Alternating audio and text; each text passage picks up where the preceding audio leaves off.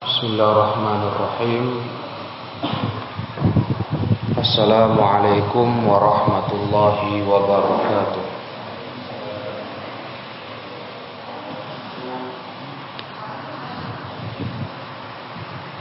الحمد لله. الحمد لله الذي أرسل رسوله بالهدى ودين الحق liyudhhirahu 'ala ad-dini kullihi wa kafa billahi shahida. Ashhadu an la ilaha illallah wahdahu la syarikalah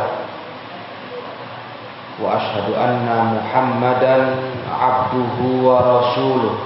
Alladzi la ba'dah. قال الله تعالى في كتابه الكريم يا أيها الذين آمنوا اتقوا الله حق تقاته ولا تموتن إلا وأنتم مسلمون. يا أيها الناس اتقوا ربكم الذي خلقكم من نفس واحدة وخلق منها زوجها وبث منهما رجالا كثيرا ونساء واتقوا الله الذي تساءلون به والأرحام إن الله كان عليكم رقيبا وقال رسول الله صلى الله عليه وسلم فإن أصدق الحديث كتاب الله وخير الهدى هدى محمد صلى الله عليه وسلم. وشر الأمور محدثاتها فإن كل محدثة بدعة وكل بدعة ضلالة وكل ضلالة في النار. أما بعد الحمد لله معاشر الإخوة rahimakumullah. Marilah kita terus mengucapkan puji syukur kepada Allah Sebagai hamba.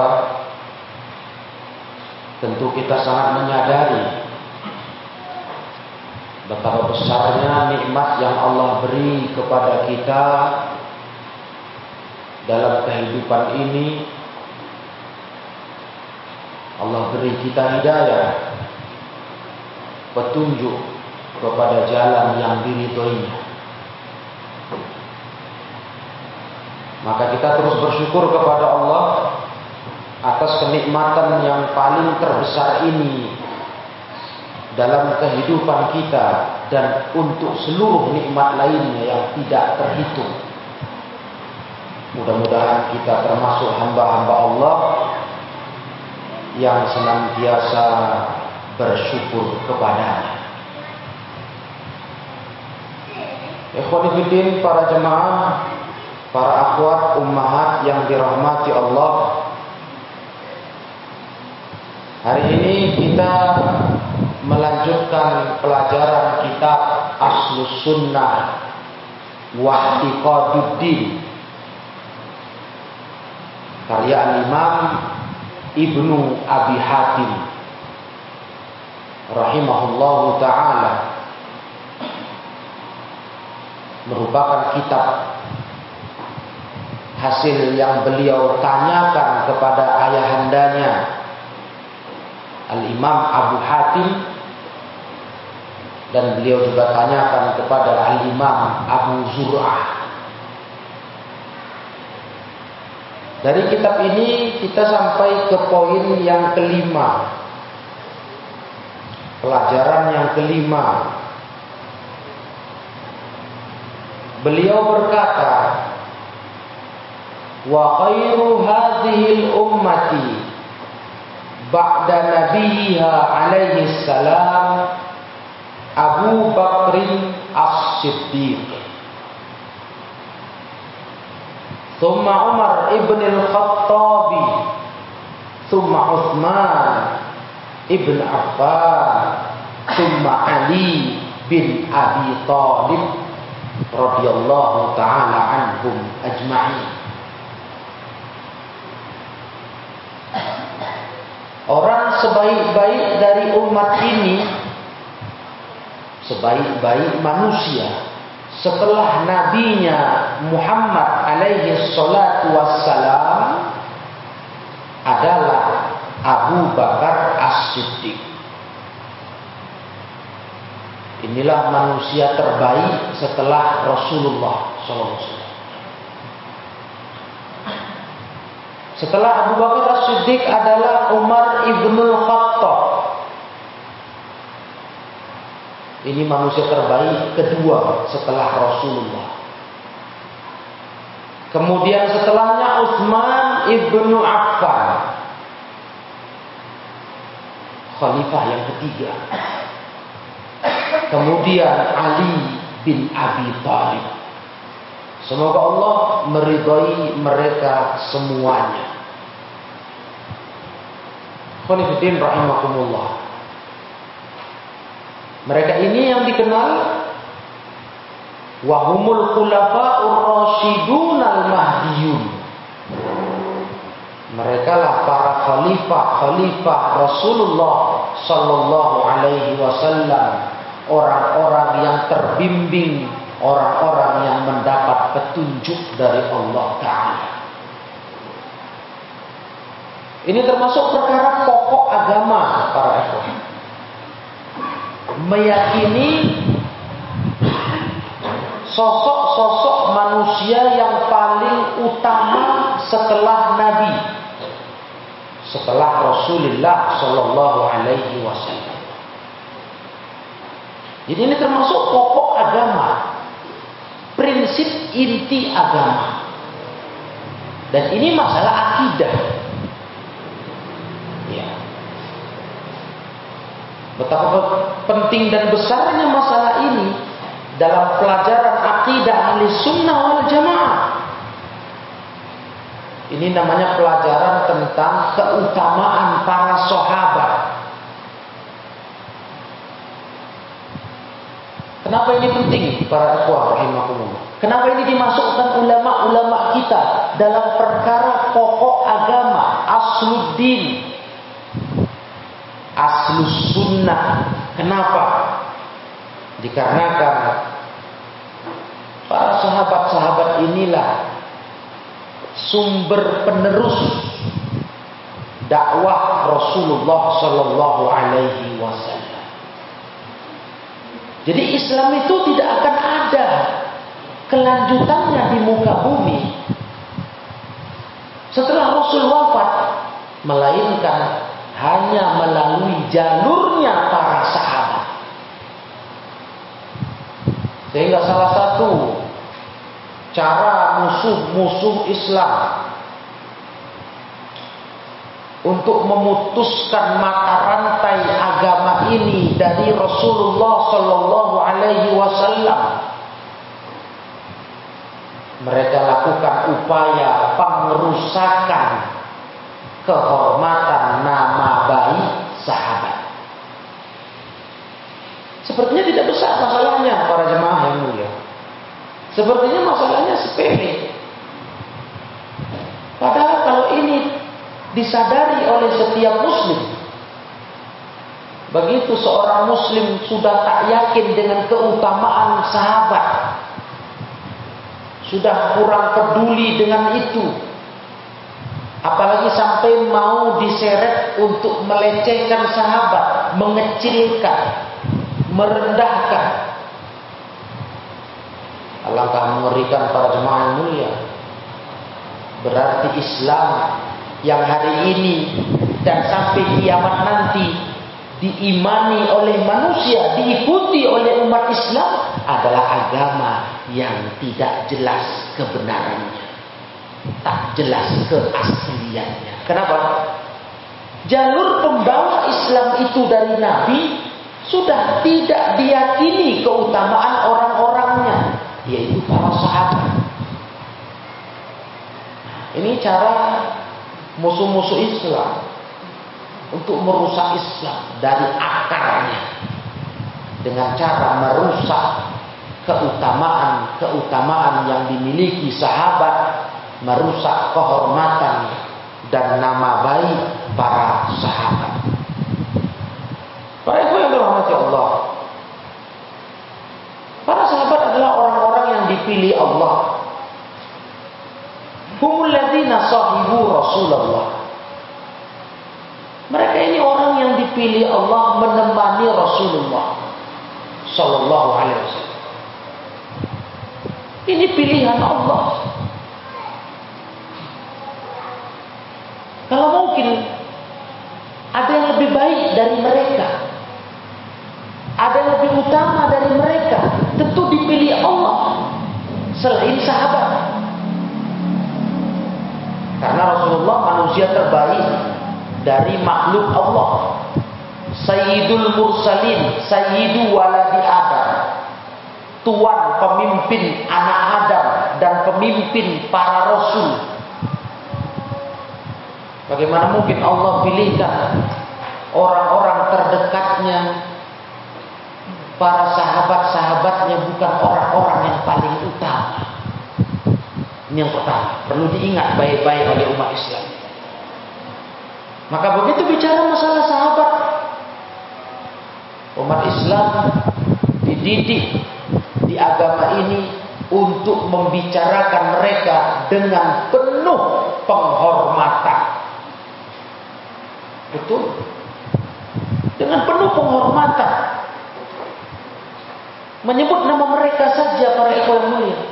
Sedikit pun tak boleh ada bahasa yang mengecilkan.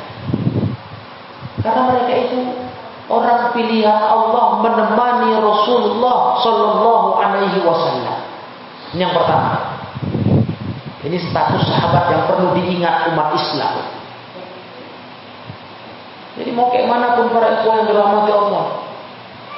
Kalaupun ada namanya manusia. Sahabat melakukan kesalahan. Ada ketergelinciran. Jangan lupa pandang status mereka sebagai orang-orang dipilih Allah menemani Rasulnya. Ya. Kalau ada orang-orang lebih baik dari mereka, Allah akan pilih orang itu. Enggak para sahabat-sahabat ini. Ini logika sehatnya. Maka semata-mata mereka menjadi orang-orang yang menemani Rasulullah dalam mengangkat Islam, mendakwahkan Islam, itu sudah cukup keutamaan yang mengalami keutamaan apa pun yang dimiliki manusia setelahnya. Betul ya Pak. Sampai para ulama terangkan. Melihat Nabi saja, bertemu Nabi, ya, ketemu Nabi, jumpa Nabi, itu sebuah keutamaan yang gak akan bisa diimbangi oleh manusia setelah. Nah, belum lagi mereka mendampingi Nabi, bahu membahu dengan Nabi membela agama. Jadi hanya ketemu muka saja, ketemu wajah. Ini sudah keutamaan yang gak bisa diimbangi oleh generasi setelahnya. Itulah hebatnya generasi sahabat. Ditambah yang kedua, kata ulama, wahumul ladzina mereka itulah orang-orang yang samiul Quran. Keutamaan kedua. Mereka orang-orang yang mendengar Al-Quran langsung. Wajahadut tanzil. Mereka menyaksikan turunnya Al-Quran kepada Rasulullah SAW. Mereka hidup di zaman Quran turun. Orang pertama yang merasakan bagaimana dahsyatnya Al-Quran itu sebagai pengajaran yang luhur dari Allah, mereka lah orang pertama yang merasakannya. Mereka lah orang pertama yang disampaikan Rasul firman Allah untuk mereka dengar. Kan hebat ini Pak Pemulia. Quran itu mereka lah generasi pertama mendengarkannya dari lisan Rasul yang masih basah membacanya. Kalau umat setelahnya, ya tentu sudah nggak dapat lagi itu, sudah nggak merasakan keutamaan itu. Jangankan kita zaman kita, tabiin saja generasi setelah sahabat sudah nggak merasakan. Karena Rasul sudah wafat. Al-Quran sudah turun sempurna. Ini lihat keutamaan sahabat. Yang alangkah uniknya kalau ketika generasi hari ini belakang hari berani menyepelekan sahabat, berani bicara rendah tentang sahabat, wal billah. Kemudian yang ketiga, wasalu Rasulullah sallallahu alaihi wasallam. Mereka generasi pertama yang bertanya langsung kepada Rasulullah sallallahu alaihi wasallam ketika mereka mendengarkan Al-Qur'an. Mereka yang tanya, apa maksudnya ya Rasulullah? Mereka yang tahu kenapa ayat-ayat itu diturunkan Allah tabaraka wa taala. Jadi zaman mereka ini zaman Al-Qur'an turun. Kan dengan generasi setelahnya. Bahkan tapi ini saya katakan tadi, generasi terdekat sama sahabat sudah nggak merasakan itu. Kalau sahabat masih merasakan itu, turun ayat firman Allah diperdengarkan oleh Rasul kepada mereka. Mereka yang pertama peduli bertanya. Maknanya, pengertiannya, subhanallah. Luar biasanya. Hah?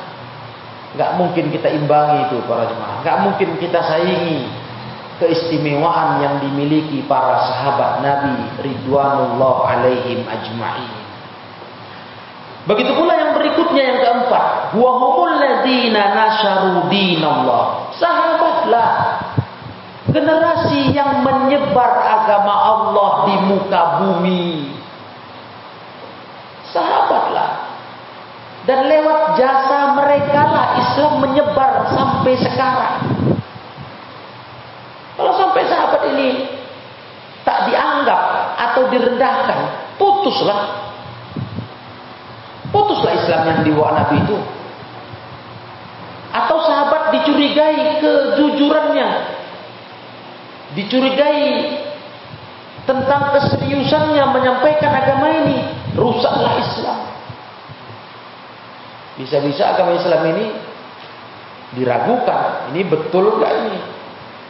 Ini benar gak ini apa yang disampaikan kepada kita dari Rasulullah SAW? Karena sahabatnya penerus dakwah Nabi sudah dicurigai, sudah dituduh, sudah dijelekkan. Masya Allah. Nah ini para salah satu daripada dosa umat Islam. Orang-orang yang tidak memuliakan sahabat. Orang-orang yang merendahkan sahabat. Atau paling tidak kurang mengakui keutamaan sahabat. Nah, Nah dari sinilah para jemaah. Kenapa kita ya? Kita sangat berusaha konsekuen mudah-mudahan berislam ini betul-betul di atas Al-Quran dan Sunnah dengan paham sahabat. Saya rasa ini satu jawaban yang perlu para ikhwah sekalian terus ingat. Karena sumber agama jelas Quran Sunnah. Betul. Kitabullah, Sunnah Rasulullah. Tapi kita nggak cukupkan dengan itu. Kita wajibkan cara memahaminya harus paham sahabat. Kadang-kadang ini dipandang oleh banyak masyarakat Islam, bahkan oleh banyak organisasi Islam, tokoh-tokoh Islam itu berlebihan. Kenapa harus pakai paham sahabat kata mereka? Toh kita bisa memahaminya juga. Kita bisa baca Quran. Kita bisa artikan Quran. Kita bisa baca hadis. Kok harus pakai pahamnya sahabat? Dengan kajian ini, insya Allah para ikhwah sudah memahami. Insya Allah ikhwah bisa jawab. Kenapa kok harus paham sahabat? Ya karena tadi mereka lah generasi penerus ajaran Nabi mereka lah generasi yang mendengar Quran itu diturunkan Allah ke Rasulullah. Mereka yang peduli tentang arti Quran. Mereka yang tanya maksud Quran ke Rasulullah. Apa enggak pantas Kalau kemudian generasi belakangan ini mengharuskan mengenal Quran dan Sunnah itu harus pakai paham sahabat, apa enggak pantas? Ini harus dipahami nih para jemaah rahimakumullah. Karena begitulah ketika kebodohan menyebar di masyarakat. Mereka nggak ngerti. Kenapa harus paham sahabat? Hah? Bukankah sekarang banyak orang berilmu? Banyak orang berilmu. Punya pengetahuan hebat. Pendidikan tinggi. Kenapa kalian harus paham sahabat katanya? Banyak tokoh-tokoh agama sekarang. Jadi para ikhwah kita bisa jawab. Ya, karena memang begitulah derajat para sahabat. Bagaimana mau kita kesampingkan mereka, mau tak dianggap lagi di agama? Lah mereka lah yang meneruskan agama ini. Mereka yang membawa, menukilkan kepada kita Al-Quran dan Sunnah. Kita mana tahu Al-Quran, mana tahu Sunnah kalau nggak lewat jasa sahabat. Nah Quran saja dulu buat yang di hadapan kita sekarang ini. Mana tahu kita Qurannya ada. Sampai hari ini kita cintai, kita percayai, kita baca, kita hafal, kita kaji. Kalau nggak lewat jasa sahabat. Sejarah Al-Quran saja pun semua kita tahu. Pembukuannya, pengumpulannya. Itu di era sahabat. Bagaimana ini? Mau dilalaikan saja itu, mau dilupakan saja itu. Nah, jadi kaum muslimin yang dirahmati Allah. Hadis Nabi. Mana ada hadis riwayat Bukhari, Muslim atau imam-imam lainnya? Kecuali kalau kita urut ke pangkal sebelum Nabi, setelah Nabi bersabda, itu pasti kita dapati sebelum lafaz itu ada dari sahabat bulan, iya kan? Misalnya dari Abu Hurairah, Beliau berkata, Rasul bersabda, harus disebut nama sahabat. Kalau nggak ada sahabat disebut, sudah salah. Kalau tabiin berkata Rasul bersabda, tidak bisa kok. Nah itulah hebatnya nilai sahabat. Ditambah lagi para ikhwah, mereka lah orang-orang yang sudah terang-terangan, terbukti membela Nabi azaru Rasulullah sallallahu alaihi wasallam. Kalau cerita cinta Nabi janganlah bicara itu kalau kita di hadapan sahabat. Jangan bicara cinta Nabi merasa paling cinta kalau kita membandingkan diri dengan sahabat. Karena kita masih di mulut saja. Kalau sahabat sudah dilakukannya bentuk cinta nabinya, membela nabinya dengan nyawanya. Bukan omong kosong saja. Kita hari ini masih cerita saja. Kita cinta Rasulullah.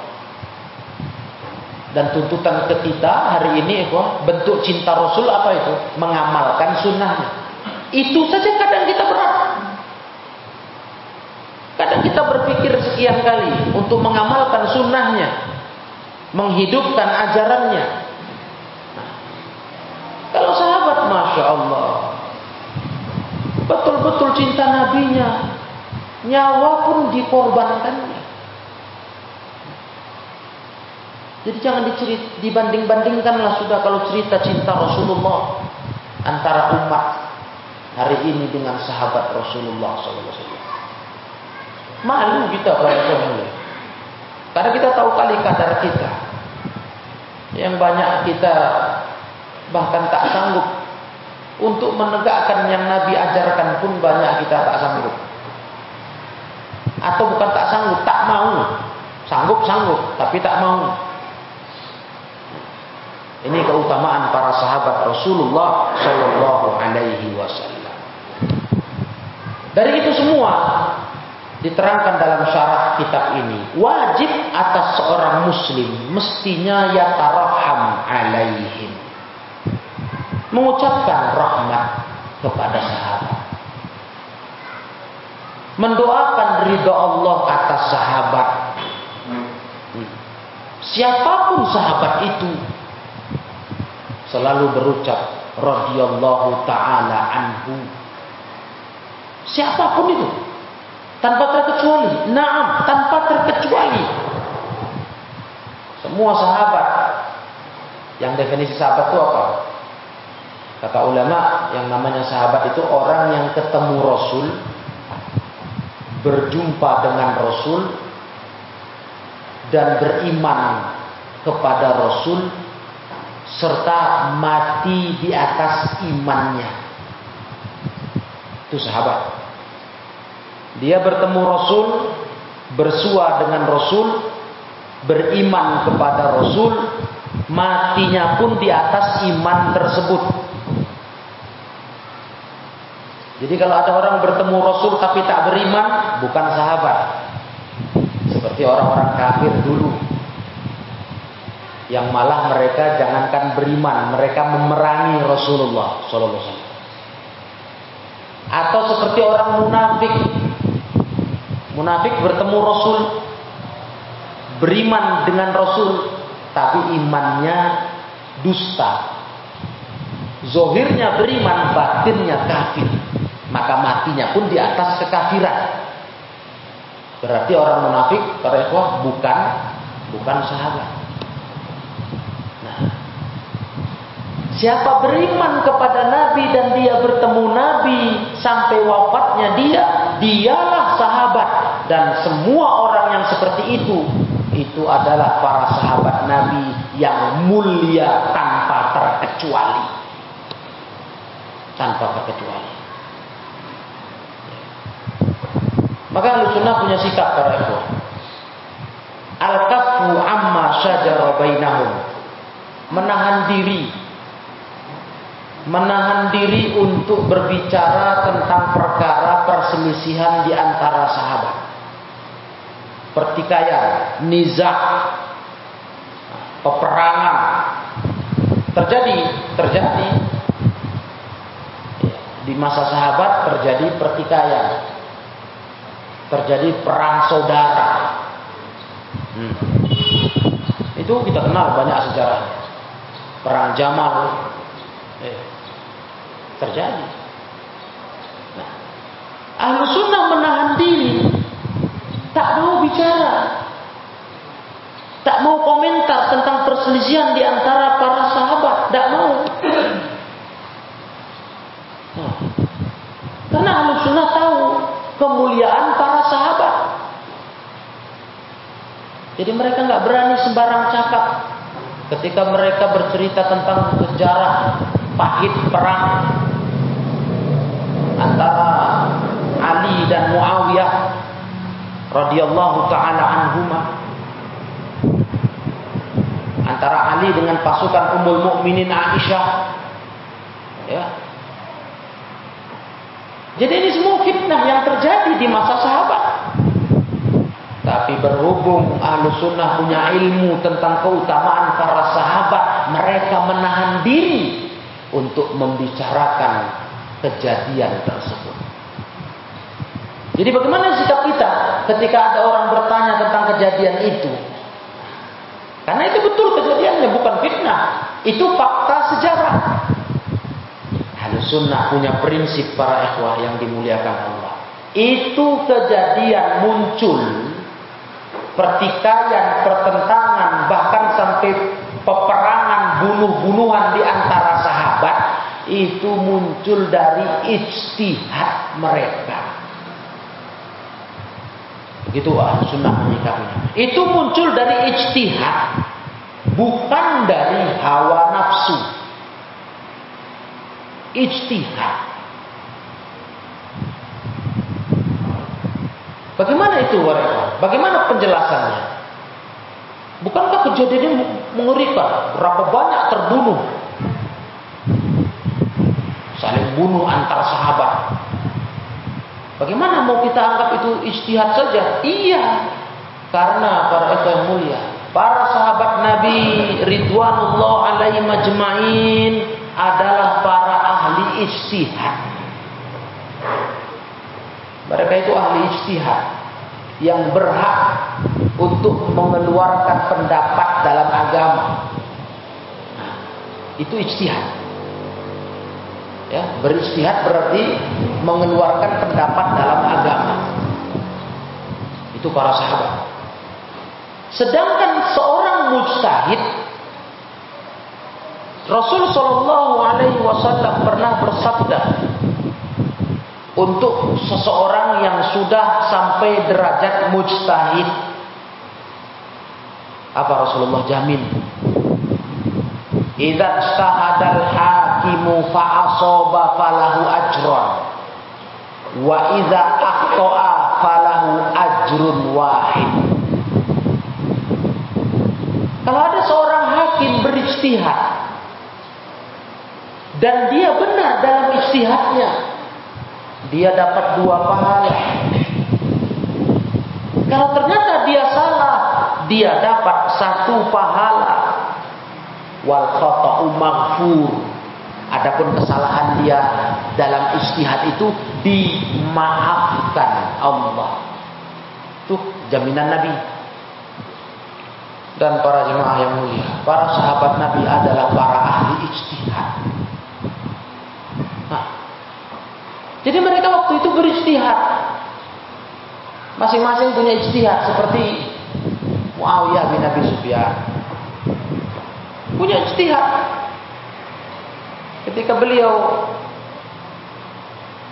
terlibat ribut dengan Mu'af, dengan Utsman ibni Affan, dengan dengan dengan Ali bin Abi Thalib kasus Utsman ibni Affan yang terbunuh. Muawiyah merasa itu haknya menuntut pembunuh Muawiyah pembunuh Utsman kepada Ali. Menurut ilmu beliau itu hak beliau, itu ijtihadnya. Karena beliau sama sama Utsman itu ada hubungan famili saudara. dalam Quran seorang yang terbunuh terbunuh dengan zolim seperti kasus Utsman terbunuh radhiyallahu taala itu walinya berhak menuntut darahnya. Itu ijtihad. Tapi dalam hal ini Muawiyah bin Abi Sufyan radhiyallahu taala anhu telah salah dalam ijtihadnya. Kata ulama begitu. Salah satu yang menerangkannya Al-Imam Ibnul Arabi. Al-Imam Ibnul Arabi menerangkan itu. Beliau salah berijtihad. Memang betul beliau punya hak menuntut darah Utsman. Tapi dalam hal ini Ali bin Abi Thalib sebagai khalifah yang sah itu punya wewenang untuk mengabulkan tuntutan atau tidak. Nggak boleh ada paksaan. Karena beliau pemerintah tertinggi, khalifah. Maka dalam peperangan itu Ali bin Abi Thalib adalah mustahid yang benar, dapat dua pahala.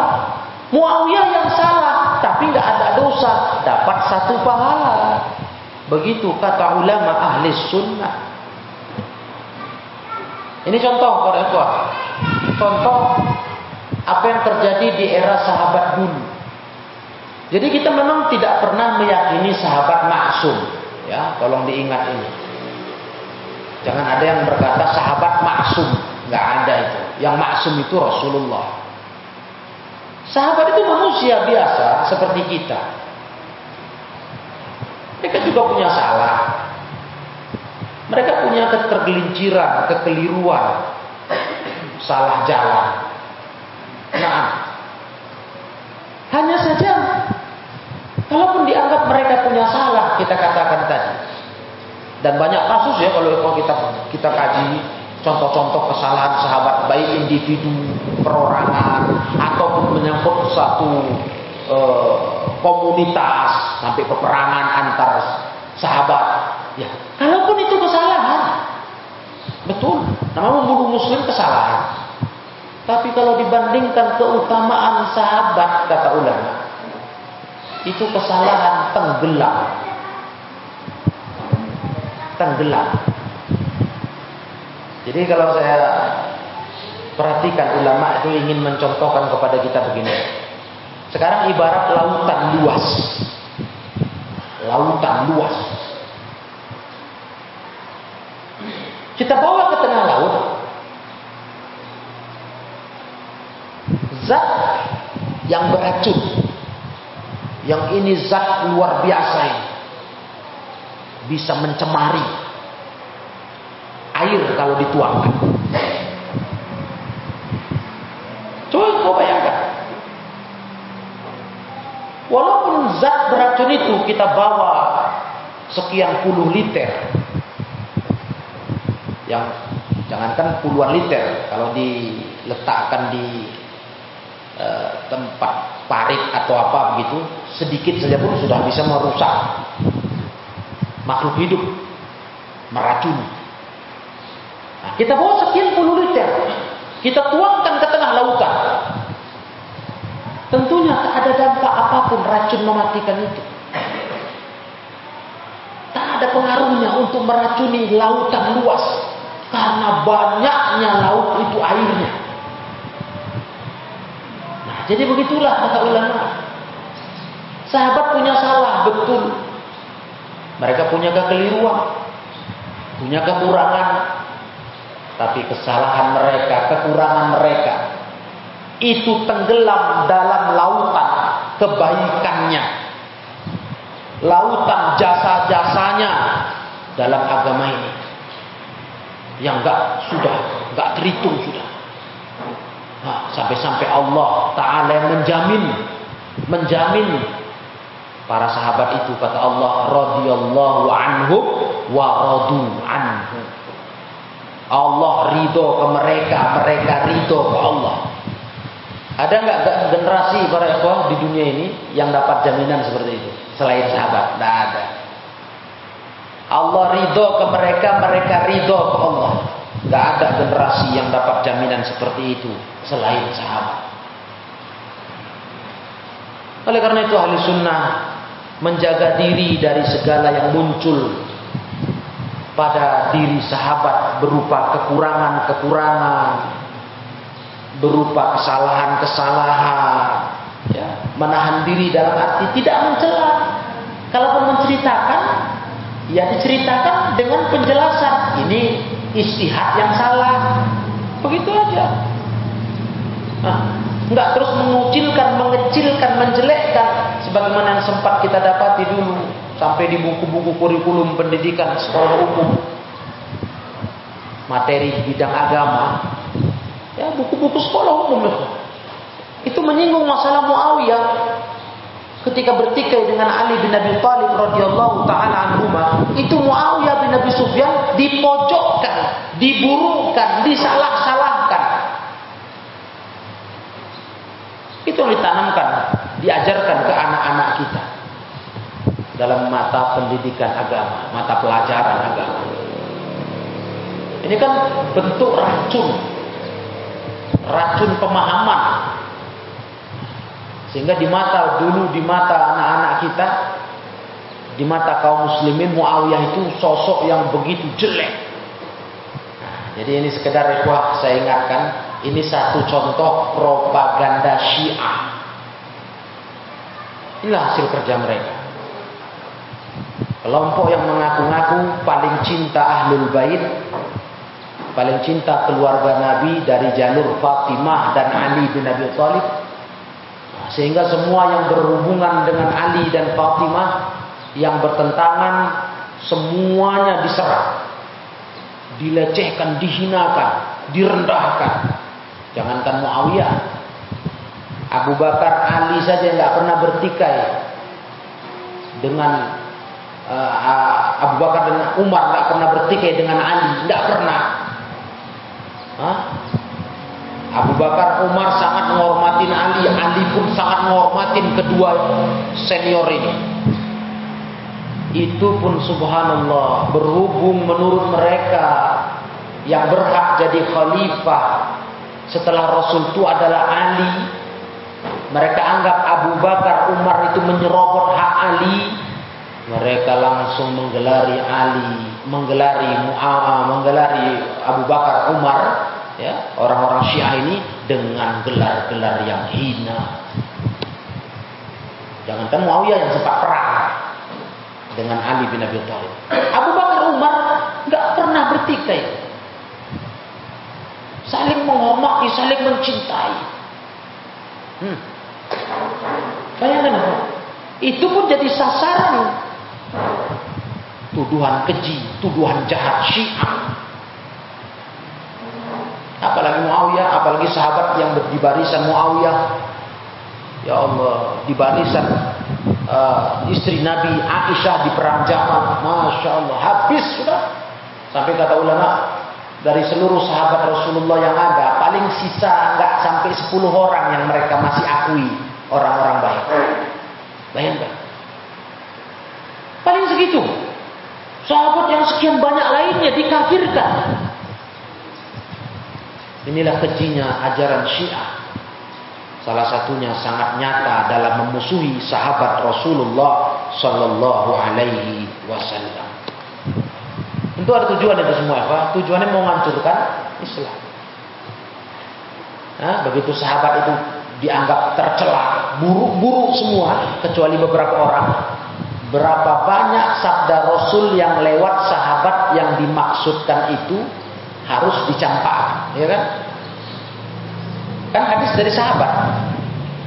Contoh Abu Hurairah, ini salah satu sahabat yang sangat dibenci, dimusuhi Syiah. Abu Hurairah. Padahal para sahabat para ikhwah, sahabat Abu Hurairah adalah sahabat Nabi laki-laki yang paling banyak meriwayatkan hadis. Berarti kalau udah Abu Hurairahnya jelek, hadis dari beliau ditolak semua.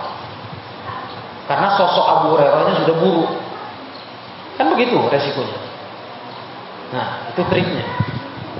Mereka incar Abu Hurairah karena mereka tahu ini sahabat yang paling banyak menghafal hadis Nabi meriwayatkan. Kalau dari kalangan wanita, Ummul Mukminin Aisyah radhiyallahu taala anha. Maka supaya Islam ini runtuh, dibuang ajaran-ajarannya, maka pembawa hadis sekaliber Ummul Mukminin Aisyah pun harus dijatuhkan, direndahkan. Hmm. Itulah makar mereka para ikhwah yang dirahmati Allah tabaraka wa taala. Nah. Jadi yang seperti ini yang penting kita ajarkan kepada jemaah kaum muslimin umat Islam ini. Memuliakan sahabat Nabi. Memuliakan sahabat Nabi. Agar kita bisa percaya dengan segala berita hadis yang disampaikan sahabat Nabi. Ya, kalau nggak lewat sahabat dari mana kita tahu hadis para? Buka semua kitab hadis. Nah, kutubut tis'ah, kutubus sab'ah, kutubus sittah. Coba semuanya lewat sahabat. Dari fulan, sahabat Nabi, fulan, sahabat Nabi, fulanah, sahabat Nabi. Semua lewat sahabat. Alangkah mengerikan ketika sahabat ini sudah tak dianggap, tak dipandang. Astagfirullah. Ini musibah yang besar. Dahsyat ini kok. Itu makanya diputuskan oleh ulama kelompok Syiah ini selain memang ulahnya begitu banyak dalam berbagai masalah agama, termasuk yang paling pokok kesalahan mereka dalam menyikapi sahabat. Maka ulama memutuskan Syiah ini bukan ajaran bagian dari ajaran agama Islam, bukan kelompok Islam. Karena terlalu menyimpang. Terlalu menyimpang. Seperti ajarannya itu ajaran tersendiri. Agama baru. Itu perlu kita sadari. Karena nggak bisa dipungkiri kok fenomena belakangan ini ini mereka mulai bangkit. Kebangkitan Syiah nampak. Iya, nampak. Paham mereka mulai masuk ke sektor-sektor umum. Bahkan ke hal-hal yang begitu sensitif. Soal agama nah, mereka mulai menunjukkan andilnya. Mulai nyusup ke sana. Nah, ini waspadailah ikhwah. Paling tidak kita memulai dari diri kita kemudian kita mulai untuk melanjutkannya kepada generasi anak-anak kita keluarga-keluarga kita Nah, ikhwan yang dirahmati Allah tabaraka wa taala. Terkait sebagai tambahan terkait masalah sahabat Muawiyah radhiyallahu taala penduduk negeri Syam yang waktu itu Muawiyah adalah gubernurnya.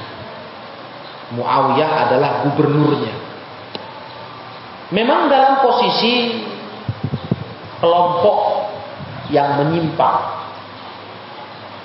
Tapi ingat tadi, beliau posisinya mujtahid. Jadi walaupun salah, pahala, nggak ada dosa.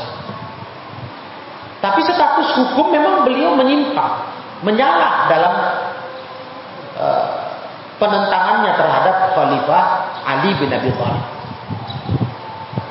Jadi bukan beliau menentang Ali masalah jabatan khalifahnya, bukan. Ada beberapa riwayat, ya, beberapa riwayat yang menjelaskan itu. Muawiyah itu nggak mau patuh kepada Ali, nggak mau bayat. Bukan masalah mau rebutan jatah khalifah, bukan. Dan beliau salah memang nggak mau bayat, nggak mau tunduk, salah. Cuma bukan faktor itu. Beliau cuma menuntut haknya atas darah Utsman bin Affan. Jadi seperti beliau syaratkan, nah aku mau bayat aku serahkan dulu bunuh Utsman. Kisos. Ali bin Abi Thalib kan pemimpin, mana bisa ditekan begitu oleh rakyat? Tidak bisa. Beliau punya pertimbangan sendiri. Jadi ini perlu diluruskan ya Ada cerita yang mengatakan Muawiyah itu ingin merebut jatah kekhilafahan Ali. Demi Allah itu dusta. Muawiyah bukan sosok orang seperti itu. Nah, Muawiyah itu sahabat Nabi yang mulia. Yang kalau kita baca keutamaan Muawiyah bin Nabi Sufyan ridwanullah alaihi radhiyallahu taala anhu alangkah banyaknya keutamaan Muawiyah bin Abi Sufyan banyak riwayat. Jadi ini sahabat mulia, eh, tapi ya begitulah manusia. Kadang ada salah ngambil keputusan, istihadnya salah. Jadi beliau salah. Penduduk Syam waktu itu salah. Nah, mereka keliru dengan apa yang mereka simpulkan soal pembunuhan Uthman bin Affan radhiyallahu taala anhu. Para jemaah kaum muslimin yang mulia, dalam hadis Rasulullah SAW pernah bersabda, "Lau ahadukum mitla Uhudin zahaba." Kalau salah seorang kalian berinfak bersedekah sebesar gunung Uhud emas, ma balagha mudda adihim wala nasifah dia nggak akan bisa men menyamai nilai pahala satu mut satu mut dari salah seorang sahabat. Bahkan tidak pula bisa menyamai setengahnya. Itu Rasul sabdakan setelah Rasul berkata sebelumnya la tasubbu ashabi. Rasulullah berpesan, jangan kalian caci maki sahabatku. Kalau kalian berinfak sebesar gunung Uhud emas, kalian sedekahkan untuk agama Allah, itu nilainya satu mut, setengah mut pun tidak sampai dari nilai keutamaan sahabat. Nah, gimana kira-kira kalau kita mau mengimbangi sahabat Nabi? Bagaimana kita mau menyamai sahabat Nabi? Mau beramal sebanyak apa kita bisa mengimbangi mereka? Nggak bisa.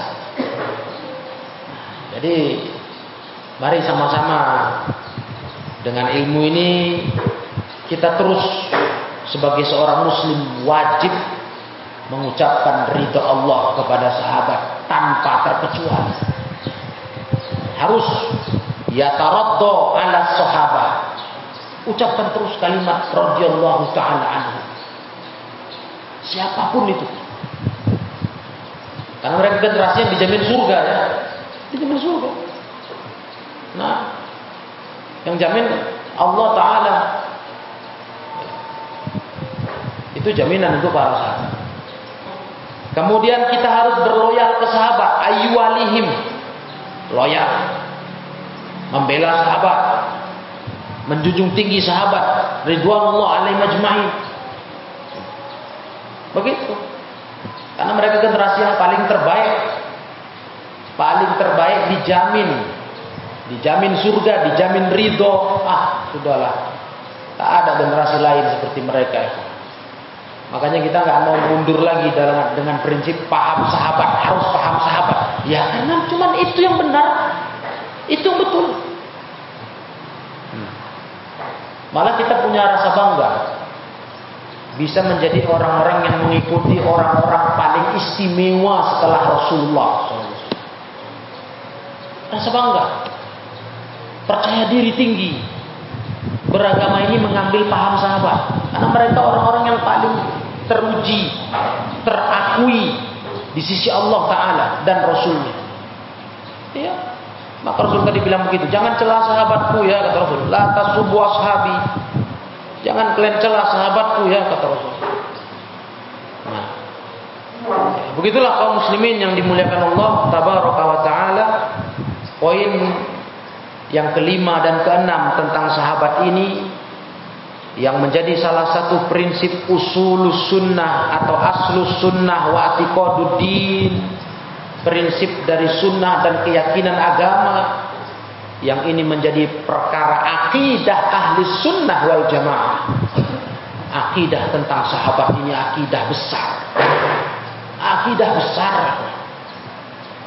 Jangan sekali-kali menyepelekan urusan sahabat ini.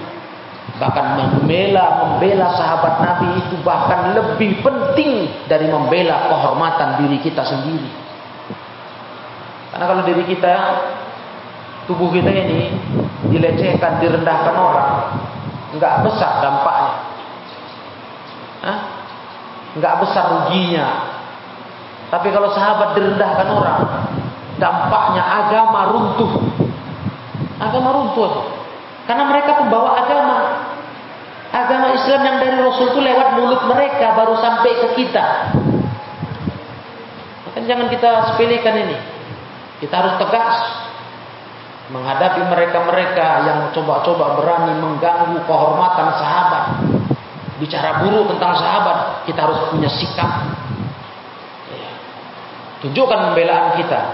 Tunjukkan hujah-hujah kita yang menjelaskan para sahabat Nabi Ridwanullah alaihi majma'in adalah generasi terbaiknya umat Islam ini. Dalam hadis yang sering kita baca, sering kita sebutkan, Rasulullah SAW bersabda, "Khairun nasi qarni." Manusia paling baik itulah manusia di zamanku. Itu yang jamin Nabi loh. Paling baik manusia itu manusia di zamanku. Siapa itu kalau bukan sahabat? Baru kemudian setelah sahabat itu generasi setelahku, setelahnya dan setelahnya. Itulah generasi tabi'in dan tabi'ut tabi'in. Atau ringkasnya generasi salafus soleh. Yang jamin Nabi Bagaimana lagi? Kalau sudah menjamin Nabi dan Nabi bicara tidak dari akalnya, dari nafsu, dari wahyu, tidak dari nafsu. Ya, mudah-mudahan lah.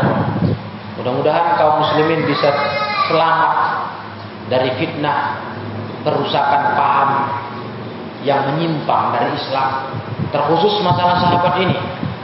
Yang Allah mengerikan ketika masyarakat nggak tahu ilmu ini dan tenang-tenang saja, diam-diam saja sahabat Nabi direndahkan, dilecehkan ataupun bahkan sampai dikafirkan nauzubillah min dzalik.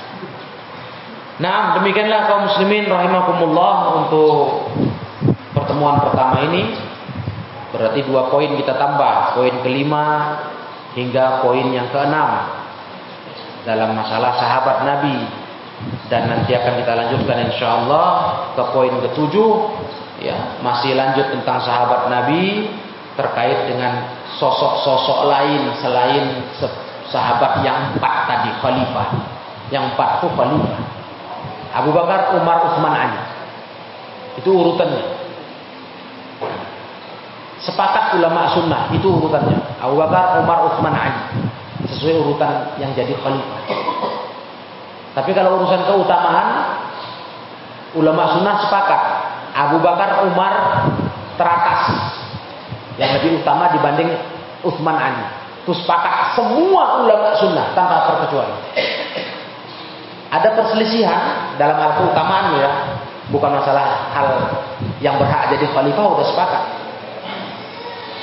Tapi dalam hal keutamaan ada pendapat antara Utsman sama Ali lebih utama Ali. Tapi mayoritas ulama sunnah mengatakan lebih utama Utsman. Nah itu. Tapi ada pendapat yang memilih lebih utama Ali. Tapi mayoritas ulama sunnah mengatakan lebih utama Utsman. Jadi, tapi yang pasti para yang mulia, kedua-duanya memang sahabat yang paling utama. Dan pendapat yang lebih kuat adalah Utsman lebih utama daripada Khalifah Ali bin Abi Thalib. Makanya urutan secara hak khalifah pun begitu. Abu Bakar, Umar, Utsman, Ali. Nah, ya demikianlah. Semoga ini bermanfaat. Kita akhiri wallahu a'lam bissawab. Wa akhiru da'wana anil hamdulillahi rabbil alamin. Wassalamualaikum warahmatullahi wabarakatuh.